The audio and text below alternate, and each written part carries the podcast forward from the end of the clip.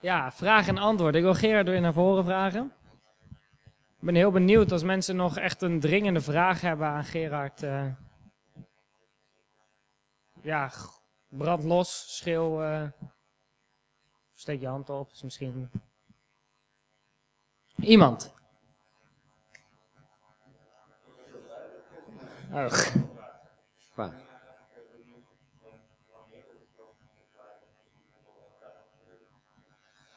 Ehm, ja, dat is wel een mooie vraag. Ehm, vorige keer heb ik iets in die richting ehm, eh, gezegd bij een vergelijkbare vraag. Soms denk ik wel eens, had ik maar een heel spectaculair bekeringsverhaal. Dat ik diep uit de zonde en het ongeloof tot bekering was gekomen. Oftewel, had ik maar een Paulusbekering gehad. Die van het ene moment op het andere van zijn paard werd gebliksemd. En eh, later heel goed wist, toen, daar en dan is het gebeurd. Eh, dat is ehm, bij allerlei mensen het geval. Eh, misschien ook wel mensen die hier zijn. Bij mij niet. Ik ben in een christelijk gezin opgegroeid en ik denk dat ik zelfs al de zoveelste generatie was. Maar wat mijn ouders en met name ook ehm, mijn opa, dat heb ik zeker vorige keer verteld, me al heel jong hebben voorgehouden, is dat wat je ouders ook voor je kunnen doen, dat dat heel veel is, maar niet geloven. En dat je dat zelf moet doen. Dus als kind van vier, want ik weet het nog dat hij het zei, ik weet zelfs waar het was, ergens in Noordoost-Groningen, in het plaatsje Foxhol, waarschijnlijk nooit van gehoord, waar de man een schildersbedrijfje had. Eh, daar zei hij dat tegen mij. En ik heb het nooit vergeten. En ehm, hoewel ik de Heer Jezus nooit bewust heb afgewezen, was er natuurlijk totdat je pakweg in de puberjaren komt, ehm, dan moet er een keer een moment komen dat je bewust kiest. En dat moment heb ik wel gehad, denk ik, in een bepaalde periode, maar ik kan niet een jaar noemen, ook geen dag of datum. Ik heb me laten dopen toen ik 13 was. Maar als je me achteraf vraagt, was dat dan het moment dat je echt bewust vanaf dat moment altijd voor de Heer hebt willen leven? Zeg ik nee, dat was eigenlijk later. Later, ehm, toen ik de Bijbel zelf ben gaan lezen, eh, er zelf ehm, in ging studeren, maar vooral ook lezen, merkte ik, het spreekt me aan. Ik ben dingen gaan doen en laten omdat ik ze daar las. Niet als een la- lading regeltjes, maar omdat je merkt, het gaat in dit boek over degene die eigenlijk alles voor mij heeft gedaan en die dus recht heeft op mijn hele leven. Ja, en dan is dat een groeiproces. Dan sla je ook wel eens door. Ik, ik zal je vertellen, misschien helpt dat toch wel een beetje praktijk. Ehm, op een gegeven moment, ik denk dat ik een jaar of 18, 19 was. Ik was in die tijd een liefhebber, een groot liefhebber van klassieke muziek. En had veel, eh, in die tijd heette dat grammofoonplaten. Die moet ik nu bijna uitleggen wat dat zijn voor dingen. Maar goed, ik neem aan dat jullie dat wel eens gezien hebben. En ehm, ik merkte dat dat me heel erg in beslag nam. en ik dacht, dat moet ik wegdoen. En ik heb ze weggedaan. Later heb ik gedacht, was eigenlijk niet zo evenwichtig. Maar op dat moment dacht ik, ik moet radicaal zijn. Als ik merk dat dit mij afhoudt van de dingen van de Heer, het doen van dingen voor Hem, het studeren in Zijn woord, dan moet ik dat wegdoen. Nou, als nu een jongere tegen mij zegt die met een soortgelijk probleem zit, moet ik mijn muziekverzameling, eh, voor zover je dat nog hebt tegenwoordig, een verzameling, je kunt op zoveel manieren dat eh, tot je nemen, moet ik dat wegdoen, dan zou ik niet meteen zeggen van ja, dat moet. Ik zou wel vertellen wat ik gedaan heb, maar ook hoe ik er naderhand over heb gedacht. Dat is een groeiproces. Er moet een zeker evenwicht komen. Maar ik zie liever bij jongeren een stukje radicaliteit, dan dat men alles passief naast elkaar laat bestaan en eh, een paar dagen voor de Heer, en een zondag speciaal en dan de rest voor mezelf. Nee, dat niet. Nou, ik hoop dat ik een beetje een indruk heb gegeven. ehm, dat ook als je uit een christelijk gezin komt, je wel degelijk ehm, je vragen hebt en momenten dat je misschien niet altijd zo evenwichtig bent als je, naar ik hoop, later dan bent eh, geworden. Ja.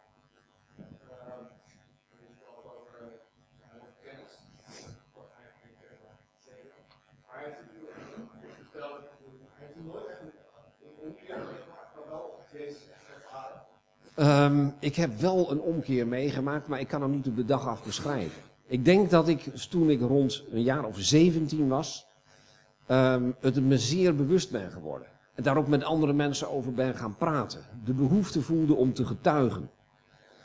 Uh, ook soms andere keuzes maakte dan mijn ouders in dit opzicht. En um, dus ik kan wel naar een periode verwijzen dat het, mij, uh, dat het voor mij meer ging leven. Dat ik ook uh, met vrienden samen bijvoorbeeld evangelisatiewerk deed. Uh, de behoefte had de Bijbel zelfstandig te bestuderen. natuurlijk met behulp van anderen in woord en geschrift.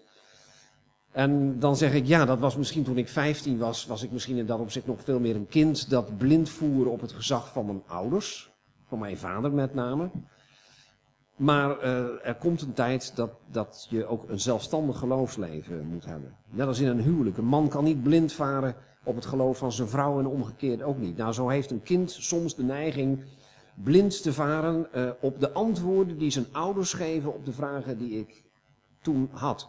Ten op een gegeven moment veranderde dat. Dus als je dat noemt Jezus ervaren, ik gebruik die uitdrukking zelf niet zo snel. Maar dan zeg ik, ik ben me toen wel bewuster geworden dat ik een persoonlijke relatie met hem had. En dat hij ook dingen tot mij zei, door het woord heen, waar ik iets mee moest. En waar ik allereerst verantwoordelijk voor was. Dus ik hoop dat ik het zo op een manier gezegd heb die uh, een beetje overkomt. Ja.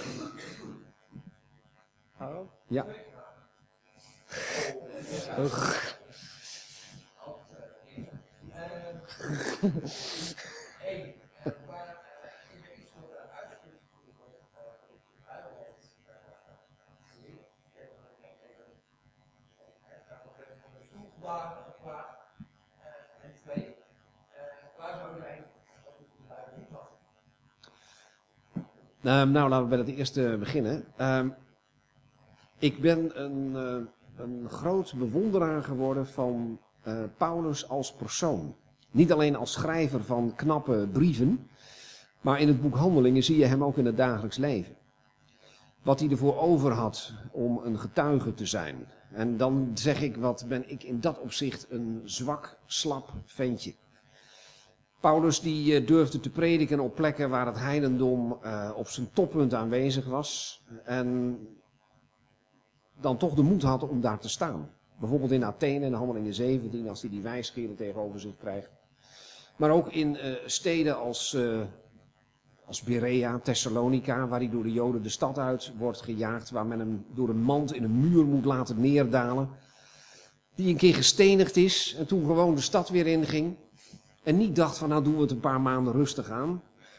Dan zeg ik dat is iemand waar ik nog altijd grote bewondering voor heb. En ik realiseer me ook altijd dat als ik zijn brieven lees, dat dat niet alleen maar steriele documenten zijn van lang geleden. Maar geschreven zijn door een man van vlees en bloed die er heel wat voor over heeft gehad om, uh, om dat uh, zo te doen. En die ook gezegd heeft, ik acht mijn leven niet kostbaar voor mijzelf. En dan zeg ik, dat probeer ik ook. In een tijd waarin je uh, het individuele en het ik-gerichte wordt aangepraat in alle reclames, dagelijks door radio, televisie. Dan zeg ik, uh, ik hoop dat ik een beetje lijk, wat mijn praktijk betreft, op Paulus, die zei: Ik acht mijn leven niet kostbaar voor mijzelf. Maar dan spreekt hij over zijn dienst. Nou, dat heeft me eigenlijk uh, vrij jong al gegrepen en dat is eigenlijk nooit meer weggegaan. En waar ik zou zijn zonder de Bijbel, ik vrees uh, dat ik niet zo gelukkig zou zijn als nu. Dat ik um, misschien intellectueel best redelijk uh, terecht zou zijn gekomen, maar altijd met een knagend heimwee en met een leegte in mijn binnenste zou hebben uh, geleefd. Dus ik zou niet voor mezelf hebben kunnen instaan. En diezelfde Paulus, die schrijft in de brief aan de Filippiërs dat hij op een dag gegrepen is door Christus. En zo ging het echt. Hè? Ik zei net, hij is van zijn paard gebliksemd. Hij was onderweg om mensen te vervolgen die Christus kenden. Maar Christus heeft hem toen gegrepen. Nou, dan zeg ik, daar ben ik elke dag dankbaar voor. Dat de Heer, dat de Heer Jezus mij heeft gegrepen. Dus als hij dat niet gedaan had, dan was ik nergens geweest. Ja, ik heb ook nog wel een vraag. Uh, ja, het is heel voor u wat wat de belang is van de Bijbel, maar als ik voor mezelf spreek en ook heel veel, is het best wel lastig om gewoon in het dagelijks leven gewoon je Bijbel te openen. En waar moet je, waar moet je beginnen met lezen? En Is ook zo. ja, Ja. als ik uw verhaal hoor, leest u, ja, ik weet geen eens hoe vaak u het leest, maar heeft u bepaalde handvaten wat, wat ons als jonge christenen zou kunnen helpen om je Nou, Bijbel... Ik- Ik zeg wel altijd, eh, soms doet men alsof de Bijbel, ja, als je daar een keer een gelovige bent, dat dat een heel simpel boek is. Dat je maar gewoon kunt openen en gewoon moet doen wat er staat. Dan zeg ik, nee, dat is het niet. Het is helemaal geen eenvoudig boek. Maar christen zijn is ook helemaal niet eenvoudig. Ehm, en ik heb echt wel natuurlijk af en toe eens een advies willen geven aan mensen die de Heer Jezus nog maar net hebben aangenomen. Nou, die laat ik niet meteen beginnen met het Bijbelboek Leviticus, om maar eens wat te noemen. Eh, dat zou niet een handige tip zijn. Hoewel, ik moet zeggen, ik heb een ongelovige collega die diep onder de indruk is, juist van de boeken van Mozes, en precies dit soort stukken uitspelt. Tot een stomme verbazing. Dus dan denk ik, ja, dat kan alleen God bereiken. En ik hoop dat de persoon in kwestie verder komt. Maar een advies dat ik geef aan jonge gelovigen is vaak begin met een van de evangeliën.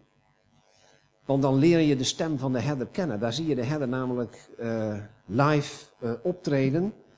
Met name in het evangelie naar Johannes, waar de Heer zichzelf zo noemt. En dan zeg ik, en ga daarna eens een brief lezen van Paulus, waarin hij zegt... Ik wil jullie het evangelie nou nog eens een keer vertellen, maar nu, nu jullie het aangenomen hebben. En dat doet hij in de brief aan de Romeinen.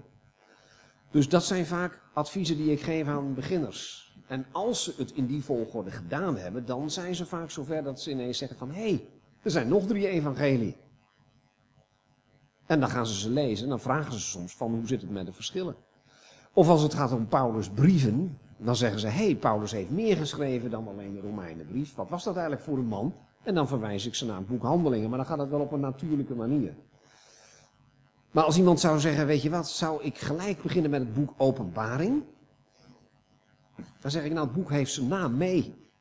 Onthulling, openbaring. Het is helemaal geen simpel boek. Ook niet voor mensen die al jaren de Bijbel lezen. Dus ehm, daar mag best een beetje hulp bij zijn. Maar ik heb wel gemerkt, mensen die nooit hulp van andere gelovigen hebben gehad. En die daar ook niks aan konden doen dat die soms uh, door de Heer zelf verrassend zijn geholpen met het lezen van de Bijbel. En gewoon gezegd hebben, ik ben net als bij elk gewoon boek gewoon aan het begin begonnen. En ik heb alles gelezen van A tot Z. En ik vond het zo interessant, ik was in drie weken door de hele Bijbel heen. En die lazen dan gewoon rustig een nachtje door. Ja, zulke mensen heb ik gesproken. Dan denk ik, dan denk ik ja, dat is, uh, dat is fantastisch. En dan merk je ook, als je dan vraagt wat ze aangesproken heeft, dan zijn het toch altijd de dingen die te maken hebben met de Heer Jezus zelf met wat hij over heeft gehad om Gods plannen uit te voeren en hoe hij ons daar uiteindelijk, ondanks alles, in heeft uh, betrokken. En uh, dan kan het best zijn dat ze af en toe een detailvraag aan, aan andere gelovigen hebben. En dat, soms mag ik ze daar dan bij helpen en soms moet ik ook gewoon zeggen, ja dat weet ik ook niet. Ik, ik wil echt niet de illusie hier wekken dat ik elke tekst in de Bijbel wel even uit mijn mouw en zou kunnen verklaren. Dat is echt niet zo. Ik denk dat wie dat zegt, uh, die moet je eigenlijk wantrouwen. Ik hoop mijn leven lang vragend en zoekend te blijven naar de betekenis van de schrift. En de betekenis steeds beter te leren kennen door gedeelten met elkaar te vergelijken, te bidden om wijsheid. En soms moet je ook gewoon iets even laten liggen en ineens komt er iemand bij je langs en die zegt, joh, wat ik nou toch gezien heb. En die geeft precies antwoord op de vraag die je had. Dat heb ik zo vaak meegemaakt. Dat er gaat, blijf je ook elkaar helpen. Het is altijd fijn om goede christelijke vrienden, vriendinnen te hebben die je daarin stimuleren en je daarbij helpen. En ik heb ze mijn leven lang gehad, en nog steeds, en daar ben ik heel erg dankbaar voor. Hoeveel vragen hebben we nog? Hoeveel tijd voor vragen? Hoeveel vragen zijn er nog? Achterin misschien nog? Nee. Oké, okay, nou dan Goed. hartstikke bedankt. Nogmaals. Ja, en dan gaan we het laatste liedje doen. Ja, we hebben hem al bij het begin hebben we hem al gezongen, dus nu kunnen jullie helemaal, uh, helemaal